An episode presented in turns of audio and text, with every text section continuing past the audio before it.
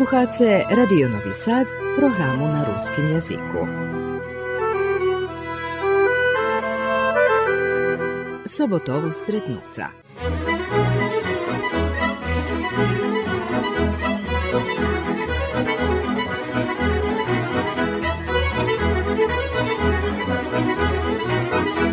Dobrý deň, žičím vám príjemné popoladne na háboch Radio Nového Sadu. U emisiji Sobotovo sretnuca hostinska nam poznata špivačka Tanita Hodak, kotra še oprobovala i u glumi, bula novinarka, jeden čas vodzela kulturno-umetnicke društvo Žatva Skocura, nastupala zo s bendom, a teraz robi u fahu jak 2D artist. Hoć Tanitu cali život provadzi muzika, zažljem vibor muziki za nješkajšu emisiju prepušćela muzičnej redaktorki Tatjani Koljesar-Gvojić.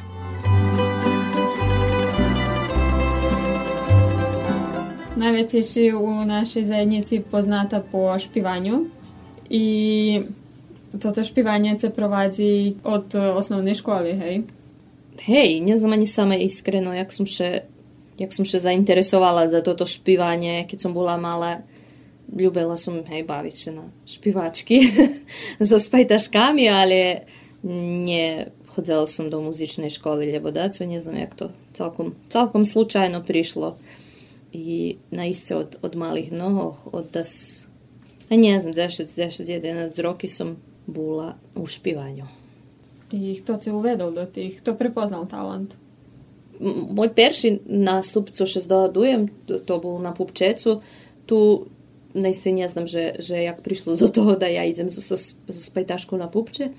I to z mene pochopili tak, jak da co bardzo zbiljne bule, som mi zakončela sam i nje interesovala še ja veljo za to kasnejše. Međutim, je to bilo jake žik školske uh, zmahanje, gdje sam špivala i osvojila ja tu jako žik nagradu. To baš je bilo karaoke, hej, špivali smo jakiš zabavni špivanki, což kad kao bila ozbiljna organizacija, ali tako je teraz patrim zos, zos 30 koji su roki, tam i to nije delovalo baš jak bar zozbiljne, ali dobre, kao bilo interesantno i već kaše djeci zo školog išli zmahati medzi sobu, znači perše u jednoj školi, hej, mi, a već kad sme išli kasnejše, hej, keď som tam pobedzela, ta išli šitski školi zo, ne znam, Vojvodini, ozdabo dacu, ta sme še kad zmahali, no nje, nje ukazala še jak tam, ja tam, jak da to bars dobri zato že som ani nevežbala. Ja vežbala doma pri kasetofónu, tedy ešte nebolo ani neznam jaké opremy a ostali dzeci še mi vidi, že mali tako zo zbiljnejších muzičných učiteľov, lebo daco.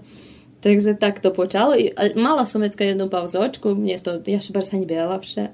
Mne tak me to interesovalo. Moja vše scele, moja baba bar scela da ja tancujem folklor, da idem, a mne to bolo isto, joj, bar strašne, budem še mušiť s decmi trimať za ruky i také stvari. A učestvovala še, tancovala še? Nie, nie, nie. Rušela ja na tot folklor, ale toto mi bolo bar strašne, že ja budem mušiť tam s náským tancovať. Takže som odustala od toho i baba odustala od mne i tu bolo toto špivanje dzeška, dzeška tak ostalo z boku i vecka kasnejšie do žatvy me prišiel volať jeden bači zo Skocura, že mohla bym špívať, vec posle prišiel bači Niger do mne, da me vola, bo im trebaju špivačke, ja mala da 15 roky, možda, možda 14. Znam, že me stjeli na ružu poslať, za som bola bar zmlatka, ta som ešte pošla raz na pupče. I sedivše i ktorú som špivanku špivala, 15 bije, čas nam še rozhodzi, tak, tak ide. Vec, kam mi Zulja prišol raz ku mne, tam mi hovoril, že ty znaš, že to moja špivanka, ty moju špivanku špivaš. Ovaj, ja še cešela, že mi bači prišlo, bože, ja špivanku špivam. Takže tak to počalo, celkom, celkom slučajno, već keď som vošla do žatvi, tu už nebolo stavanja, tu som već kad upoznala i i ľudzo, i orkester, i bači Niger, i bači Ciki tu, oni boli najvekši inicijatore kolo, kolo toho. I jak da povem, boli moji perši hlavni učitelje kolo špivanja i kolo da samo do virija, do nastupu samo, hej, бо варим, значи бар сум ше ганьбела и бар ми то було. Значи ја потполно избег, избегавала таки ситуации, але вецка сум jakoś i teraz isto nie lubię, przecież boję, że, że mnie da kto budze pita, hajde tani to odśpiewaj nam da co tak, tak random da gdzie znasz, mnie to takie wsze nie, wystarczyły.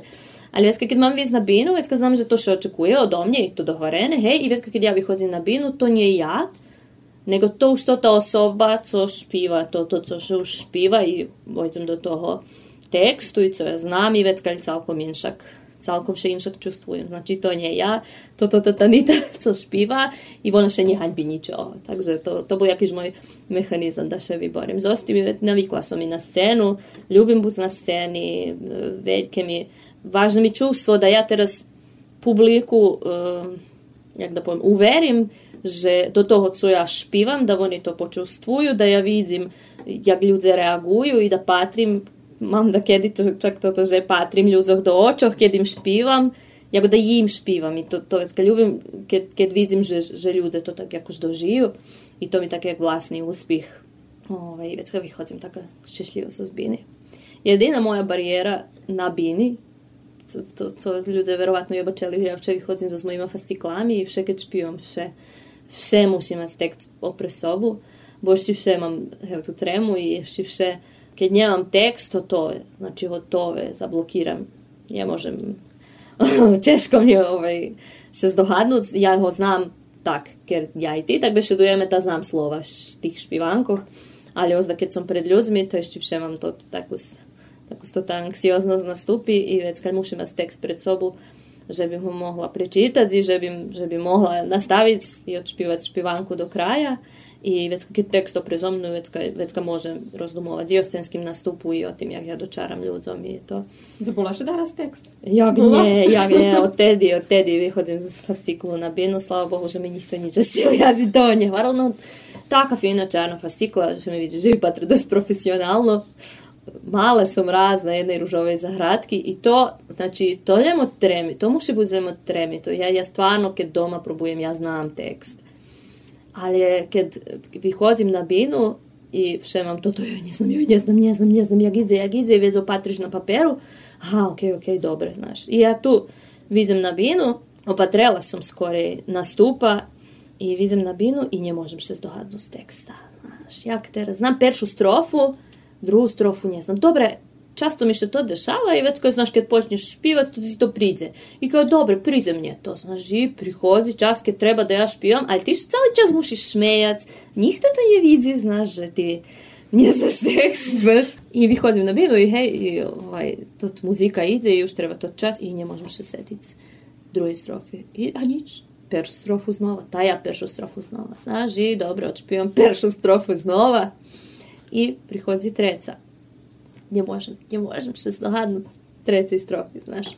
Це будем, це будем, я знову першу строфу. І так знову співала три раз першу строфу. Виходим за зміни, всі кажуть, супер було, він чує, ніхто це не бачив. А я ще прибачуєм всім, я не, не, не дочарала сам гей текст. Текстописець могла думати, що, а це мій текст вийшов так, як треба. Не чули люди, то, то це треба да чули. То мені так було криво, і оттеді говорила, що я без текста не йдем нігде. A toto, že šekuštík da kedy da jedno slovo pomýšľa, lebo toto to mi nie také strašné. Mne barže je strašná toto blokáda, keď, keď uopšte nemôžem še zohadnúť z texta, takže... Oj, horela polonina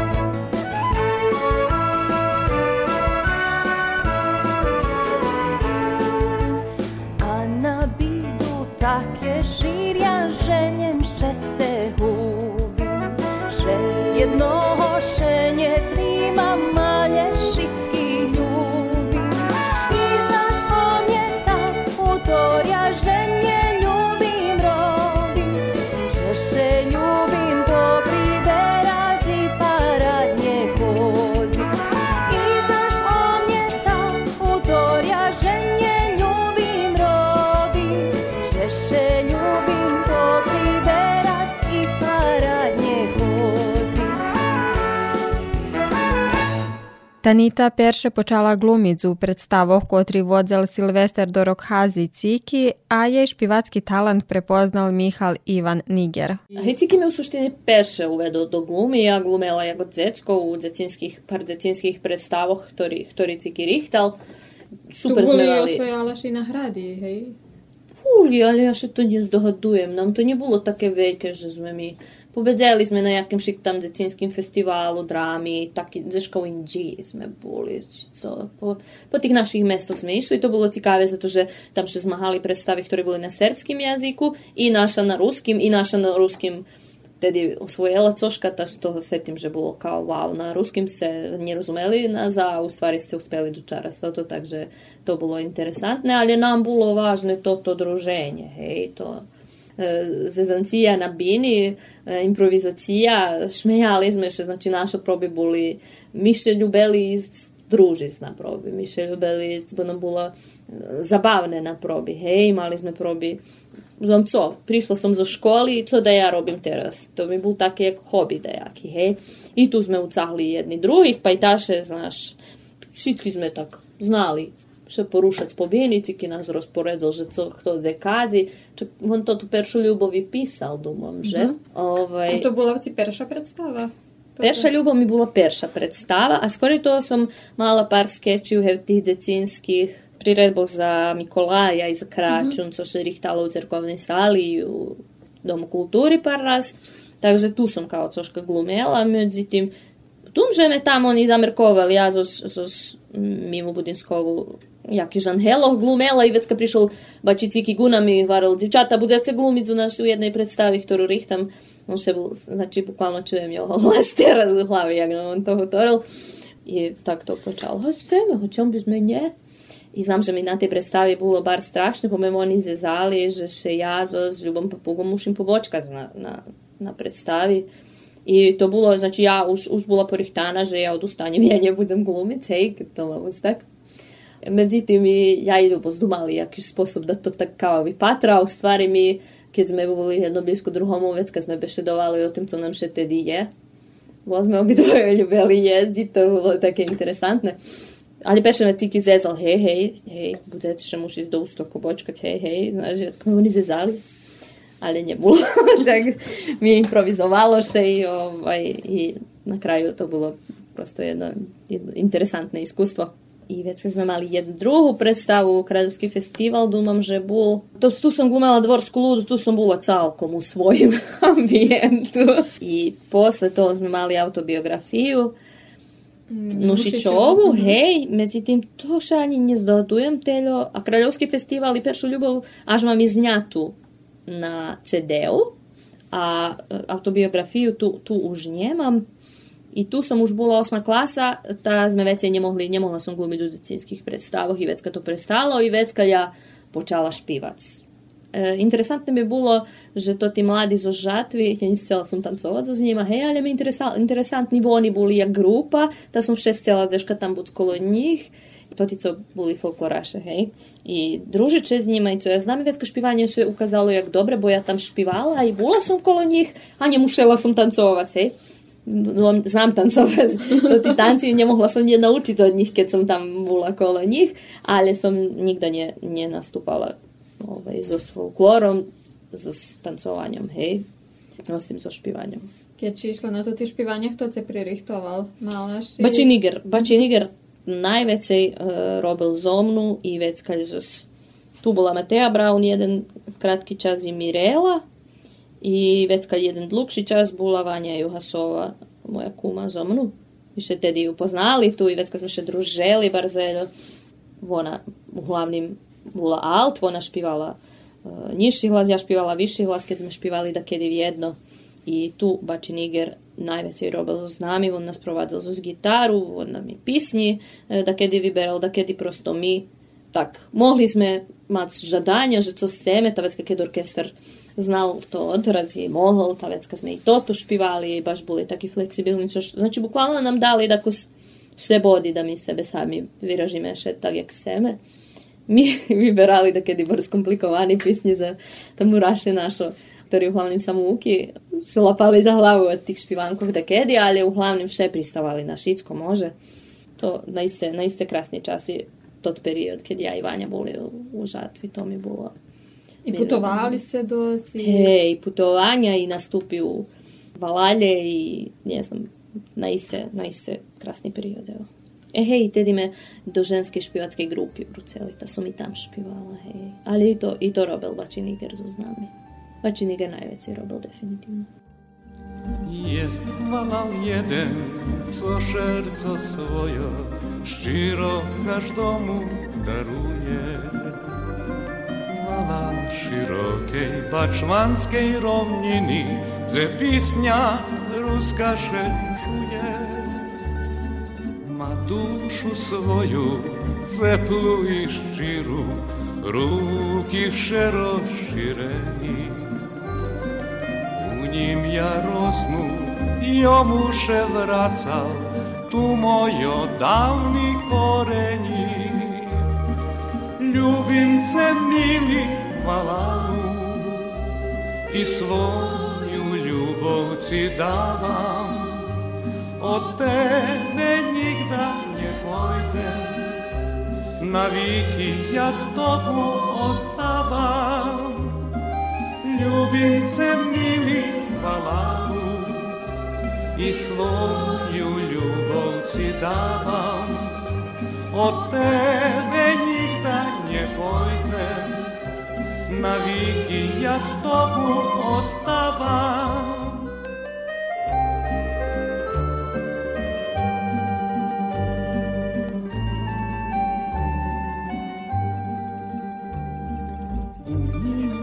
Rasti široki polja so znojom zaljevaju.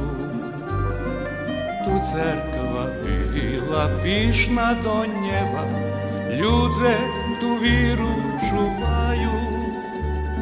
Mili valalu, kolisko moja, jedini naširim švece. Še mladi ostaj, rusnaka čuvaj, kocuru mojo šikvece. Vično u šercu mi njega se nje zohabi. Jedini malalu moj mili, u tebe i život ohabim. Vično u šercu mi budzeš i nikad se nie zochawi. Jedyni malalu moj mili, u tebe ohavim. Poznate karaoke Stop, krasne špivanje na predok. To isto mm -hmm. počal Ciki, a ti vecka nastavila, jak to išlo? Uh, hej, tu džeška na, na, na druhý nastupu u Valálje bolo dosť toho špivania, až ja špivala na karaoke. To še pušťala matrica dajakih špivankov i vecka še špivalo. Međutim, matrici ne postojali, ne znam jaki kvalitetni, nego to postojali to ti stari da, dajaki špivanki, može biti čak i uh, zabavnjaki, dajaki, co ja znam, i mu še to nje pačelo. Ali, ne znam, z celih osnova znaš orkestar i djeci, že bi napravil takvu jednu manifestaciju.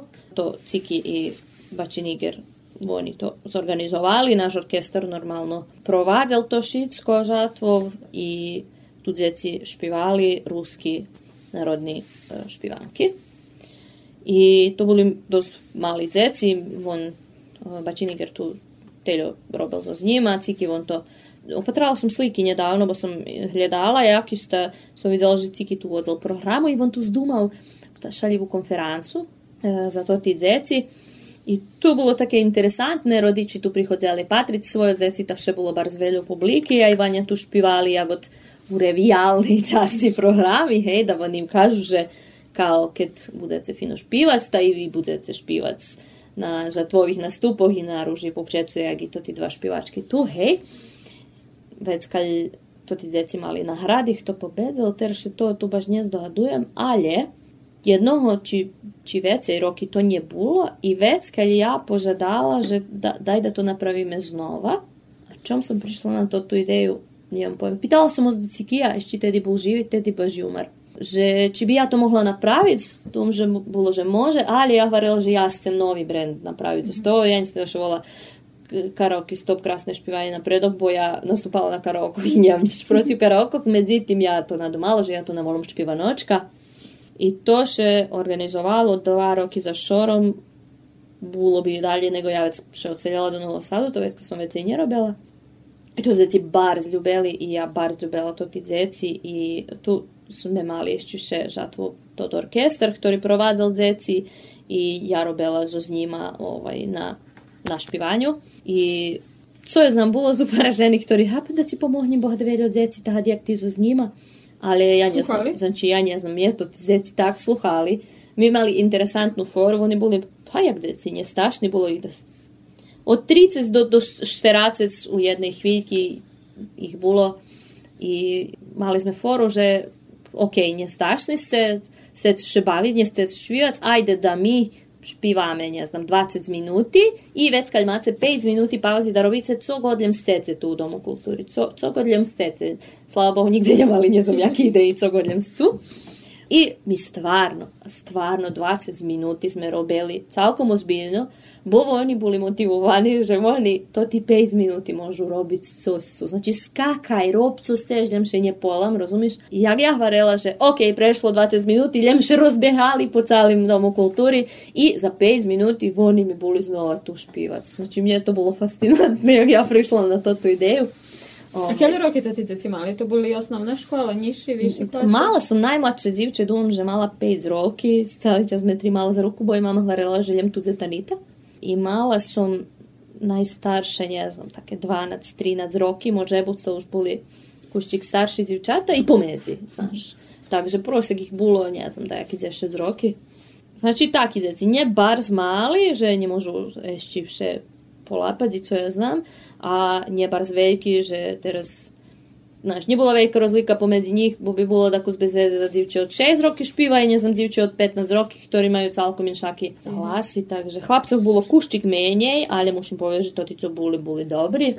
I to je to vec, a posle mi bolo žaľ, že som, znaš, oni nema, nema každé decko, uh, jak da povem, schopnost k špivanju, a šitski bi. Ta jak da ih ja šitskih, da sam napravila veckalj hor, vec, keď sme u chore špívali, vec, keď sme mohli všetky špívať, to mi baš briga bolo, že kto jak špíva, pokriju še oni, oni neboli oni nikde taki podli, že teraz to baš bar loše zvučelo, nego bolo tak prosekovo i to ti což tak vidvajali, že boli ljepši, vec, keď to ti špívali i sami. I vec, kad sme najuspišnejších posilali na pupče, i ja znam, že som še bar stešela, že som druhého toho roku cáli tot chor odvedla na pupče i cáli tot chor odvedla na veselinku. To mi bolo, ja sam uspjeh. Bo kao, nigde nie było na pupčecu da prihodza dzeci jak hor špivac, nego je to keresturski hor, a kod curci prišli i to mi bolo také bardzo veľké. A isto zo z tých špivanočkov še vydvojali deskeľo teraz už poznáte isto špivačke, hej, Darina, zoznešli ti robila? Počala, tak, tak, hej, Darina, Darina počala chodiť ovaj, na špivanočku, tedy bola ešte dzivče, vecka pobedzela na tej špivanočke, vecka špivala na pupčecu. I vecka na rok isto špivala na špivanočki, jak u tej revijalnej časti, že ona Loni pobedzela, hej, i vecka už ja šel do Novog Sadu, a ona predlužela chodiť do žatvi i špivac u žatvi, to mi okreme milo, bo ja ešte tedy baš sam bešedovala, že jak na veselinki ovaj, Darina špiva na bini i Andriju tam provadzi, a ja i ne znam kto ovaj, stojíme, znaš, jo, jak toto dzivče špiva, jak špiva, ja, jaka buce, ja, jedva čekam da čujeme. I evo, bukvalno, teraz možeme Darinu sluhať i bar sme milo, že, že Darina tu je, tudze je nješka. Sluhajte emisiju Sobotovo stretnuca, u kotrej nam hostinska Tanita Hodak. Možem poveže muzika prosto velika čast mojega života i generalno muzika všetu keď, i keď robim i keď to jest i keď robim na roboti i keď som doma ta robi da jaki radio i sluha muziku i co interesantne že uh, zaviši co robim ali uglavnom dok sam risovala vše sam mogla špivac mm -hmm. ta već kad se puštim da muziku te ja špivam i risujem I, tak mi prejde deň. Takže vždycky, keď mi takto pýta, aké špívaš, ha? Ve, veľa špion. veľa špion. Zablísla ľubov tej noci dávnej tvoj milý ožmich to bol môj šved a vesce vžali novi švitanja i šitsko sprelo, sprelo jak kvet. A vesce vžali novi švitanja i šitsko sprelo jak kvet. Jarni diž skrije mi slizi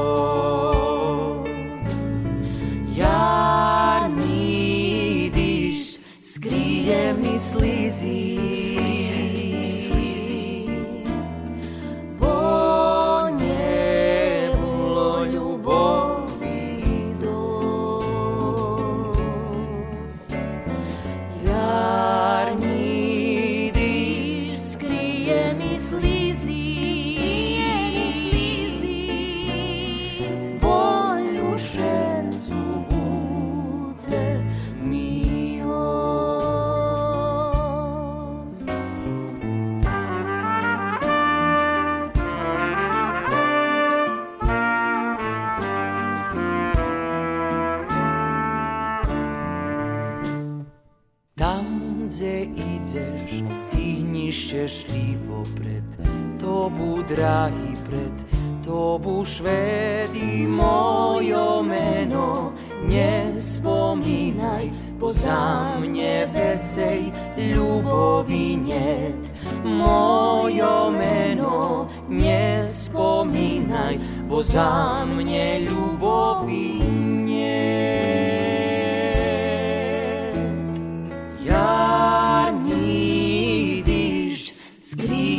sleep.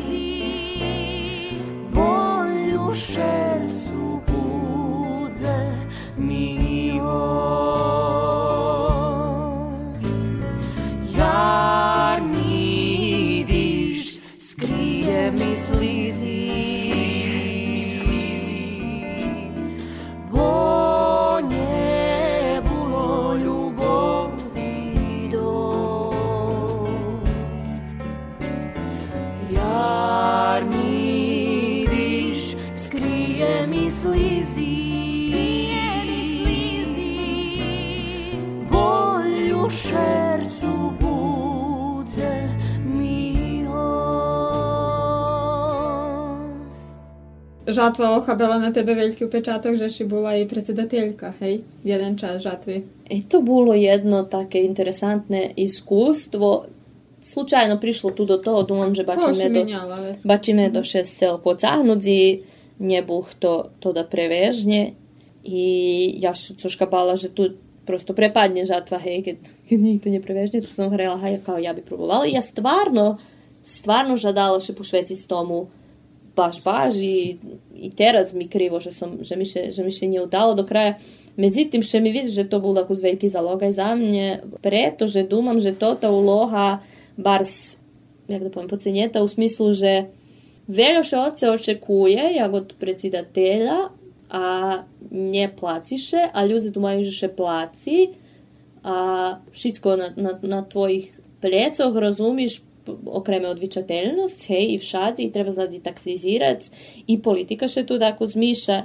И мне то було, не знам, чешко просто. Јас села робиц и да, да, да ше организуе, дацо мне остало инше ниже интересувало. Хеј? Mm. И веќе кај просто vypadlo, že toto úloha, to nie toto, co ja, co ja očekovalo, to ale to ta žatva tak najväkší je, jak od, co by še povedlo, úroveň to organizovanie samej manifestácie žatva. Hej, a to mi bolo najinteresantnejšie. U suštini. Toto papirologija i všetky tu ti projekti, co ide poza toho, to už druga pripovedka, to ti mušiš porobiti tam mušiš, hej, že by, že by mohla u stvari organizovati.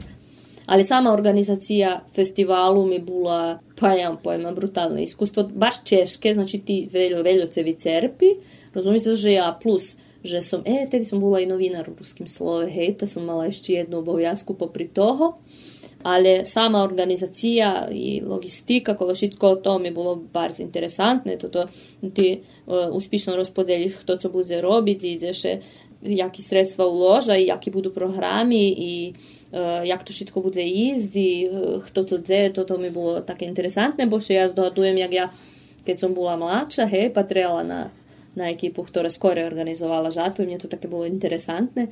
Tá mi bolo interesantné, že ja bola uh, u tej úlohy. Super bolo, keď som mala ľudí okolo sebe, ktorí, ktorí mi pomohli i nemám pojem ako... A čo uvedlo nové do tej žatvy? Keď som pravila... Do festivalu do festivalu. Uvedla še daco nové, uvodzalo še daco... Uvedli sme tam buranie, znači programu za mladých, pretože sme pochopili, že OK, toto folklorico ja znam, ali tu mi vidí, že barže starší. Provádzať tam bolo také, že sme chceli privesť pricahnuť mladých na žatu, tak sme napravili toto tamburánio u smislu žurka za mladých i mi tu chceli so s týma kocurskými bečarami dva raz, keď ja organizovala da, da promovujem i znaš, muziku po ruski, da jakú ruskú kultúru i ne znam, da to bude také cikave, da jazyk zo žatvu, da sme mali to tu slamu. E, jednoho roku še až volalo, co še sluči u slami, ostava u slami, da sme prinesli slami na to plato. A sledujem, že peršoho roku, u suštini to še volalo, že za mladih, ali tu mohol prísť každý. To bolo otvoreného typa, nebolo zamknuté, že teraz etlem to ti môžu vojsť. Neplacelo še nič, placelo še pice i mi tu zdumovali takí sitní spôsoby, na ktorými u stvari zarobíme dacu, ktorý dávame peniaze, ktoré môžeme posle uložiť uh, da kde indzej.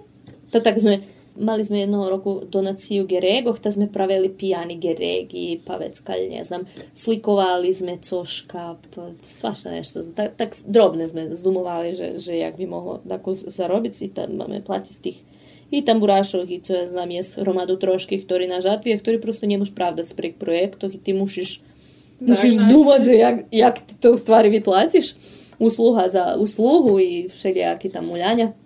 Та що е, ще здогадуємо першого року, що ми то направили, і то людям було таке чудне, що ми так то окружили з осламу, і зараз тут от, як от плато, а при Дому культури, і е, заставки ми якісь повішали, декорація нам була дуже важна і почала музика ту, і люди приходять і не сувойсь до того, не стоять зешка збоку і патра. І кажу, чому тут ті люди не приходять? А йому за неприємно, бо ніхто не з перший туди стане, гей? Товецька ми ішли го тим людям, та гайде, гайде, гайде, кали ми їх, же най і най і най се перше то то тамбурання – to mi bolo, ne znam, i sešela sam še u tim, že jak sme to uspeli napraviti. To stvarno, stvarno bolo dobro. Spomnula si robotu u ruskim slove? Jak i dopisovatelj za skocura? A i to celkom slučajno prišlo. Znači, ja coška všetko celkom slučajno ovaj, vyhasnovala som na hodu. Ha, nič. Keď Ciki umar, tá sme nemali dopis dopisovateľa zo Skocura. I ja čítala ruské slovo i vecka pár raz som ovaj, podumala, že hacu, co teraz? Kto teraz bude? Nemáme, nemáme dopisovateľa. Nie teksty zo skocúra, chybelo mi, hej. I e, ja bola skoro toho na praxi u ruským slove. U fachu som robila jako pririchtovanje novinoh, odnosno prelom, to mi bolo interesantne.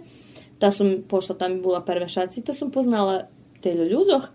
I kao či bi se ja mogla na to prijaviti, ha, ti vežni ta napiš dacu, tak kad vidze, vidze, ta poslovetska, kad bude konkurs, to što prijaviš za konkurs, a už imaš tekst i znaš, i ja počala aktivno provaditi co je zuvalja, tak mogla, viguglala že jak se piše novinski članak, he, i počala sam pisac. I par vistki sam napisala, dok, dok u stvari hibel, hej, dopisovate, tako da bude dajaki tekst iz uskocura.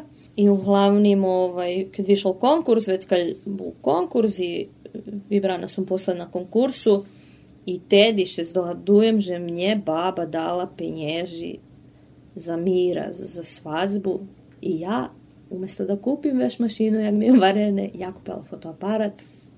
I to bilo bar cikave, šmela sam babi jedan čas povest. I ja kupila tot fo fotoaparat i tot fotoaparat mi teljo hasnoval dok sam robila za ruske slovo. Teljo sam, teljo sam ovaj, slikovala, že še ščuhali tipki na fotoaparatu, ja teraz keď to vežem do rukoh, ja nevidím, co pišu na tých tipkoch a prizabula som, že co robia to také, na myslom, hej.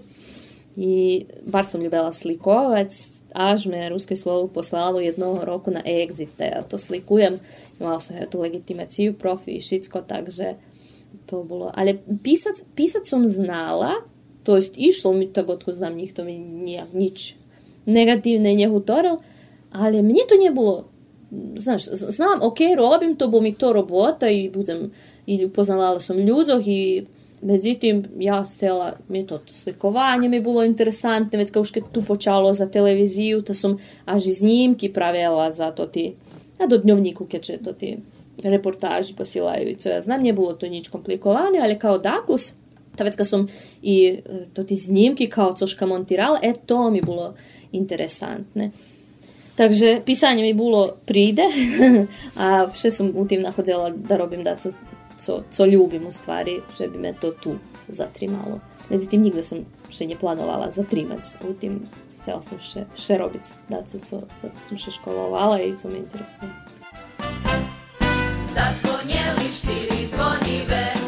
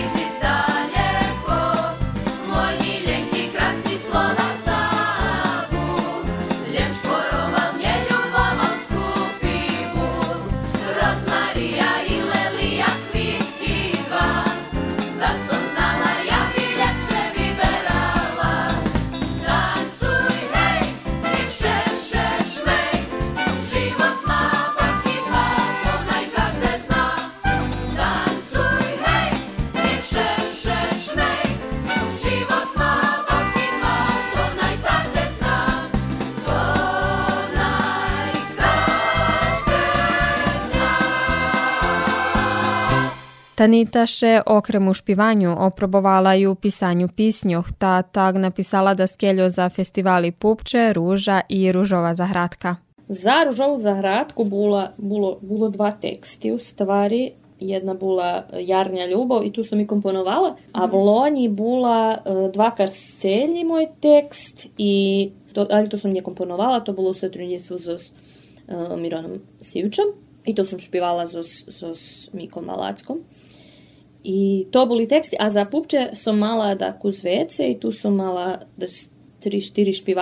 Tu som mala i dejaki na hradi i to mi jakož ljehko ide, co ja znam. Ljubim, ljubim za zet, ljubim za zec mi robić generalno, da ljubim ovaj, i pisat zecinske špivanki i še na osnovu dejakih pripovetkoh od mojih pajtaškov, od mojih, na primjer, kumčatov, uh, mam jaki do, dožica so s njima i jakie oni zamerkovanja majú, ali je tak dosť jedna častočka, jedno vyrečenje da mi ostane u glavi, jak také, že bi moglo so s njого napraviti. Zato ja celú pisnju toho napravim. Tak nastali Zacinski sovit to bolo skore, kura i vajco, mala hušenica i toho roku ešte tých tam par. Imala som dva teksty za uh, ružu. Špivam zace i to sam komponovala i e, polje čarnih ružah, to s demigodom. E hej, s demigodom sam isto tu učestvovala na pisanju teksta. Hej, to, to band s ktorým som robila jeden čas. I dosť dlho Šiso nastupala i znaš u Kocure. Znalo še i za vas u Kocure i, i, i dalje isto. Hej, jak da še nje znalo, keď sme mali probi u garaži u Londrovića i všetky čuli. I već kada budemo stijovali po ruke, e, to ta dobra, to ta dobra, hej. Da sme, hej, to sme, do sme ovaj, nastupali tu po okolnih mesto, po kafičoh.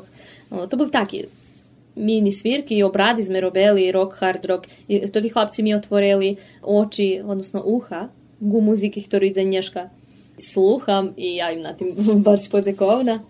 Bo sam skoro toho celkom to je znala som za, za, za ne znam, hard rock, metal, grunge, možda vôbec nemám pojma, ali već kad posle toho som baš, baš počala taký dobrý rocker buc. A vracíme sa na Rožovú zahradku toho roku. Písňa, ktorú si odšpievala, povedala z boku publiky. Publika ju vybrala. O, to zážňam krásny úspech. Ha, milo mi, že, že to ľudia obačeli, za to, že najsi veľa rozdumujem o tým. I ľubim, že by śpiewanie na, na różowej zagradki nie było, że ja widzę i odśpiewam, ale żeby to było na isce, jak to powiem, kompletne do życia, hej? Znaczy i od sprawowania na bini, i od emocji preniesenej, i od kvalitetu śpiewania, które, które musi być, hej? To tu pierwszy dacu. Scenskovi patrunku i od, ne znam, Znači, že by to všetko v jednom paketu bolo jedna, jedna špivanka i toho roku, keď som dostala text i keď som čula špivanku, jako som dostala inspiraciju i za, i, i za scenski nastup, i za šmatu, i za vlasi, co ja znam, že, že jak by to malo vypatrati, jak ja, ja, ja to tu špivanku speršo dožila i tak som ju chcela dočarac idúcom. Kjelo si učestvovala na Ružovej zahradki? Od 18 rokoch не знам, порахова. За 15-16 може под заградкама. Вше keď заградка, teľom, toto заградка, keď ja mám roky. to znam. Rok je starša od mňa, ale ja u marcu ešte še mám teľo roky, takže teraz 33 roky, 33 ružová zahradka, tak znam, že ktorá bola. A inšak ružové zahradky prepoznám po šmatoch, ktoré som mala, nie po rokoch, nie znam tak. Takže nie znam, dúmam, že da 15-16. I každého roku, Kontinuitetu som, som nastupala. Učestvovala si na rúži? Uh, učestvovala som skôr, keď boli to tie uh, národní špivanky na rúži, ta som učestvovala, već keď počali zabavni, ta som učestvovala par raz i teraz, odkedy som u Novim Sadze i odkedy som už starša, ta teraz menej, ali evo, učestvovala som 28 na 100 roku so s demigodom i skoro toho poniezdoodujem še ščiro, da si povem, думам, že nie. O 2015 toho som špijom zace špivala. I to je to, ne znam, думам, že som mala pauzočky, teraz už keď to ti zabavne špivanky boli. Takže možda mám pár stvari u hlavi, ktoré by mohlo pojsť na rúžu, ale vše mi chybí toto muzičné obrazovanie i nemôžem keď treba e, vyrážiť špivanku u notoch, to mi baš teško. Znači, znam osnovni stvari, na primjer, dzecinski śpiewanki znam, zapisać u notach, bo oni jednostavni, ale da su komplikovanše i nemam pojma. Vše bim, vše bim, vše se bojim, že še nje, nje dost dobre viražim u notoh i že bude prebaš jednostavne, baš zato že ja ne znam komplikovanše zapisać. Także to tak ostava vše jakož. Thank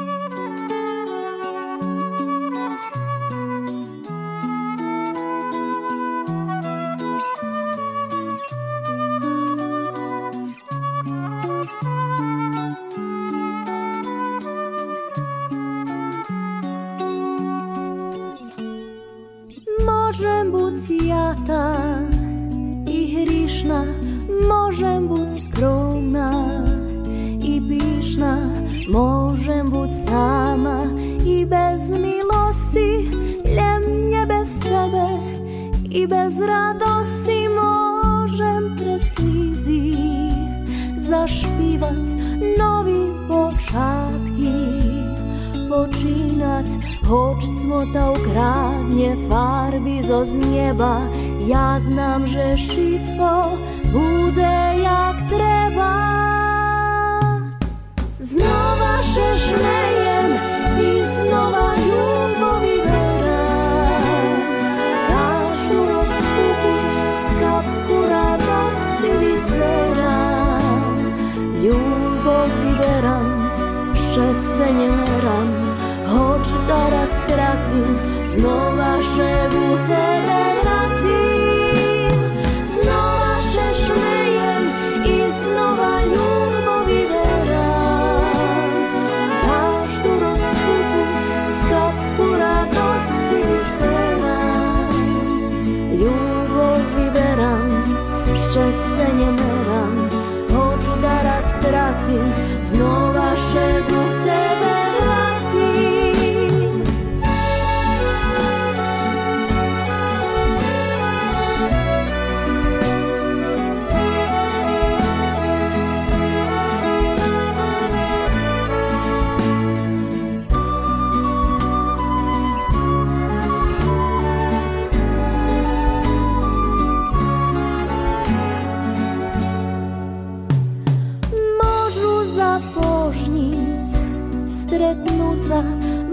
jeszcze skrit do zabuca, znam, że szynicz nie stracelo i budzelem jak, co bud zmuszelo, możem preslizi zaśpiewać nowi poczatki, poczynać, choć cmota ukradnie farbi zo z nieba, ja znam, że wszystko bude jak treba. Znova še žmejem i znova ľubov vyberám. Každú rozpuku z kapku radosti vysterám. Ľubov vyberám, šťastie nemerám, hoď dara stracím, znova še u tebe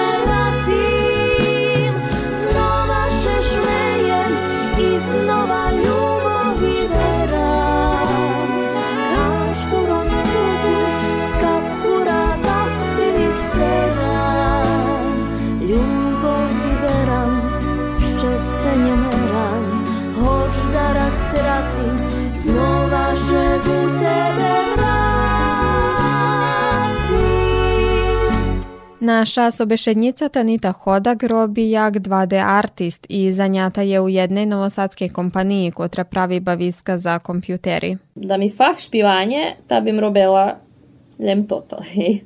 Ale z ohľadom, že še zanimam za zdajko druhú fajtu umetnosti, še musela tu jakašik umetnost, hej.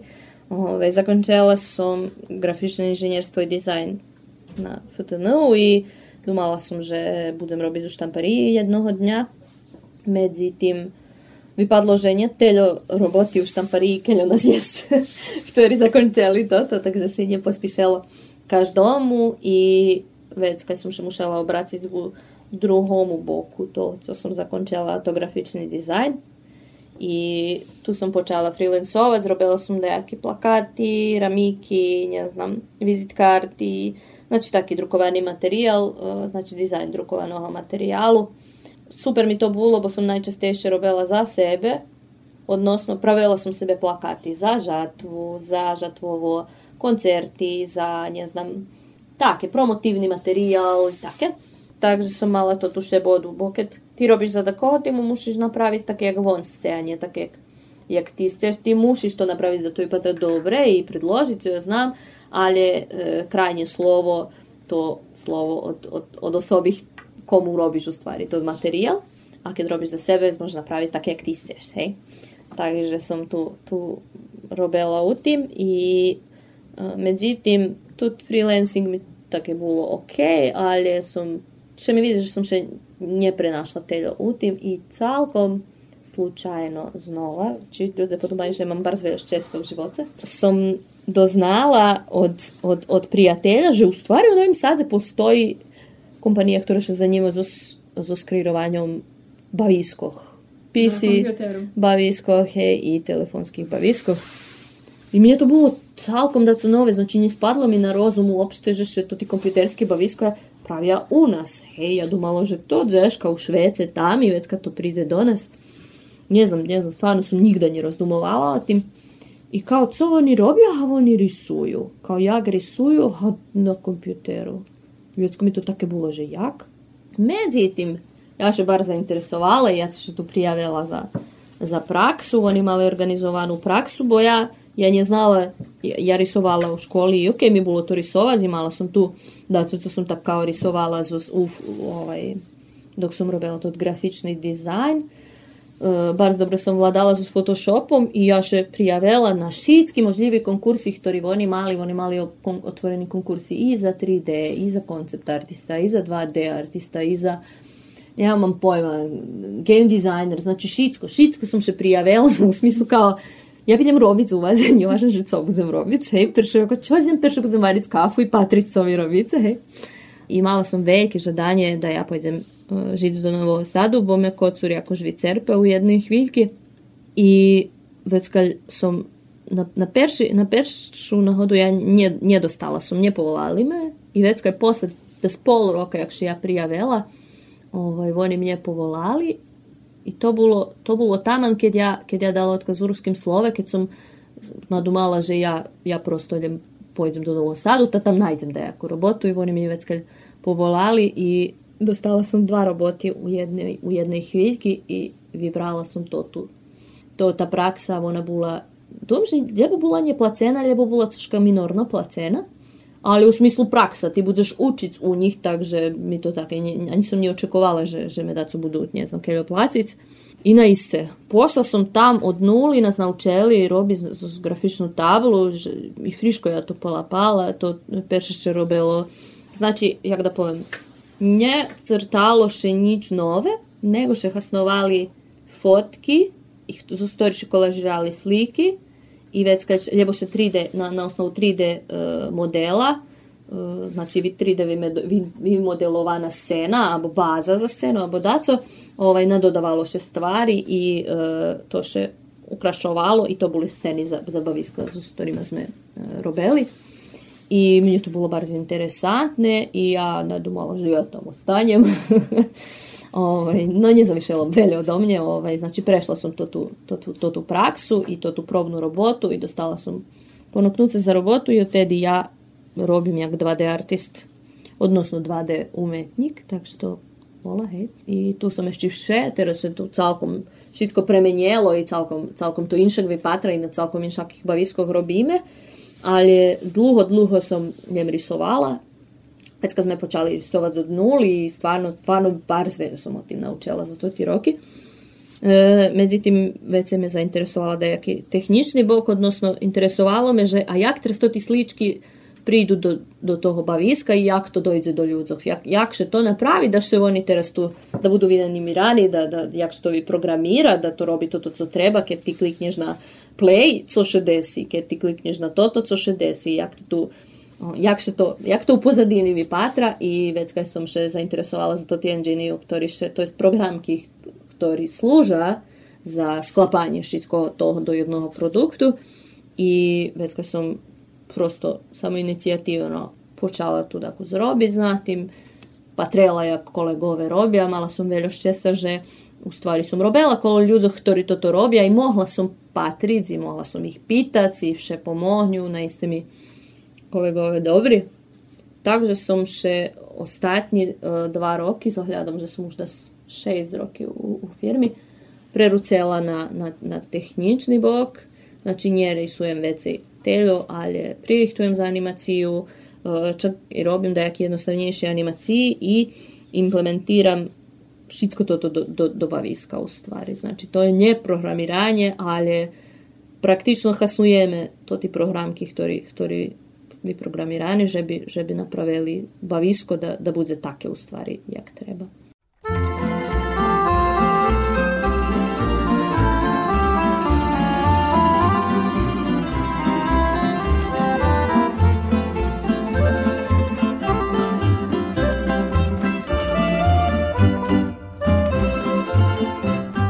Pomali zakončujeme emisiju Sobotovo stretnuca, u kotri nam hostinska bulata Nita Hodak, poznata špivačka njeljamo u ruski zajednici, ali i širše.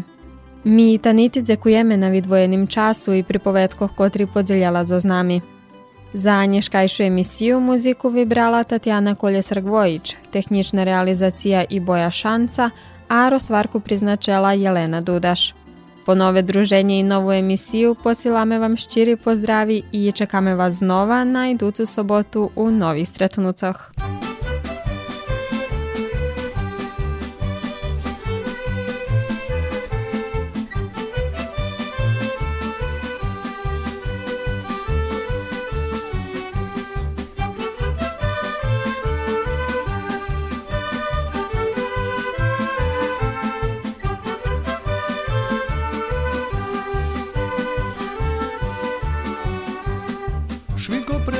Za roky, ženiče trebal bym, ale ševica hujem, bol som še nenažil.